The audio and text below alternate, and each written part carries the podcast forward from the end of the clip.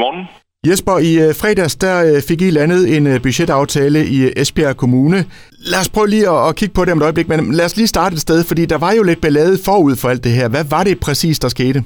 Jamen, øh, der var jo øh, Socialdemokraterne, der valgte at møde op med ultimative krav om, at vi under ingen omstændigheder måtte øh, pille ved skatten.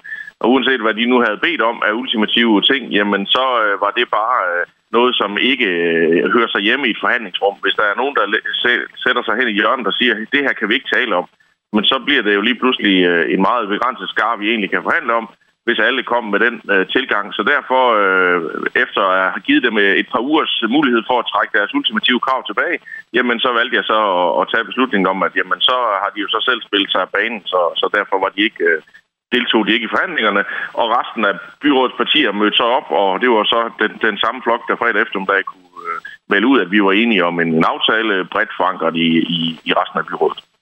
Jeg tænker jo, det har været en hård uge, Jesper, hvor man sidder og roder rundt med en hel masse tal og skal forhandle på kryds og tværs og så videre. Øh, hvordan var stemningen? Der var en rigtig god stemning i lokalet øh, hele ugen. Det er selvfølgelig også et væsentligt bedre udgangspunkt, vi havde for de her budgetforhandlinger, end vi har haft i flere år. Men egentlig var alle interesseret i at bøje sig lidt mod hinanden og finde øh, en god løsning for borgerne i Esbjerg Kommune, og det synes jeg faktisk, øh, vi har fundet med en, med en rigtig, rigtig fin øh, budgetaftale, budgetaftale, som, som rummer mange forskellige elementer. Både øh, et løft af den kommunale velfærd og den grønneste ambition nogensinde i Esbjerg Kommune, og ja, en lang række rigtig fine tiltag, både der peger fremad mod vækst og udvikling, men også helt basale borgernære velfærd. Og hvis vi sådan lige kigger lidt nærmere på det, og lige prøver at danne os et overblik, hvis vi sådan starter med den kedelige del, jeg tænker, der er jo sikkert også nogle steder, hvor I har måttet skære ned, altså hvordan ser den del ud? Ja, men det har, vi, vi har øh, øh hvad hedder det, indføjet en lille bitte øh, smule øh, effektiviseringskrav i, i nogle øh, områder. Det er, det er meget, meget små øh, øh, tal, øh, men en lille bitte øh, besparelse på områder, som man i stedet for at have 100% af sit budget har øh, 99,75 øh, i, i næste år, og det giver jo mulighed for, at vi politisk har kunne prioritere andre områder og, og give et øh, markant løft til, til steder der.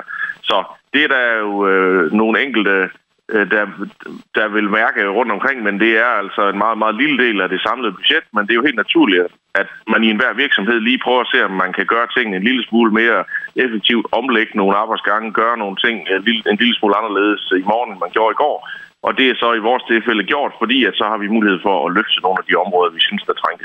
Og hvilke områder kan det være? Jamen, øh, vi har jo, det er jo en lang, lang øh, positiv liste, som, som radios øh, tid her slet ikke øh, giver mulighed for, men vi har, og, og, og helt at komme ind på, men altså, vi har givet et markant løft til, til ældreplejen. Vi har sikret flere pædagoger i vores øh, daginstitutioner. Vi har sikret, at der er to lærere i indskolingen i folkeskolen og sat penge af til at renovere de fysiske rammer og og sådan er der en lang række områder, lige sådan på, på øh, voksenhandicap og, og, og for de udsatte børn har vi sikret, at der, der er flere midler i de kommende år. Så, så de store velfærdsområder, de har alle sammen fået et løft, og så har vi jo taget en lang række andre små og store beslutninger derudover. Sådan lige uh, bottom line på det hele her, fordi uh, som du selv startede med at sige, så var der jo lidt øh, uh, ballade omkring, uh, om skatten skulle uh, sænkes. Bliver skatten sænket, eller stiger den, eller hvor, uh, hvordan ser det ud? Altså, vi fastholder skatten på uændret niveau, og det gør vi, fordi at øh, der er rigtig mange usikkerheder, vi kigger ind i øh, i den kommende tid. Øh, coronasituationen er stadigvæk øh, i blandt os, og hvad den medfører af, af omkostninger for den kommunale økonomi er jo fuldstændig uklart. Der er formodentlig også nogle virksomheder, der kommer til at afskede nogle medarbejdere desværre i løbet af efteråret. Det har også en indvirkning på vores øh, økonomi.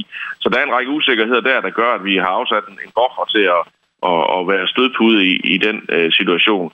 Og så har der simpelthen været behov for at løfte nogle områder øh, i, i den kommunale øh, velfærdsmaskine, som jo har gjort, at, at øh, sammenholdt med, at vi jo måske også er lidt usikre på, om de kommende års aftaler med kommunerne øh, kan blive lige så positivt som den her, det har gjort, at vi har valgt øh, at holde skatten i ro for ligesom at og også at gardere os en lille smule mod fremtiden.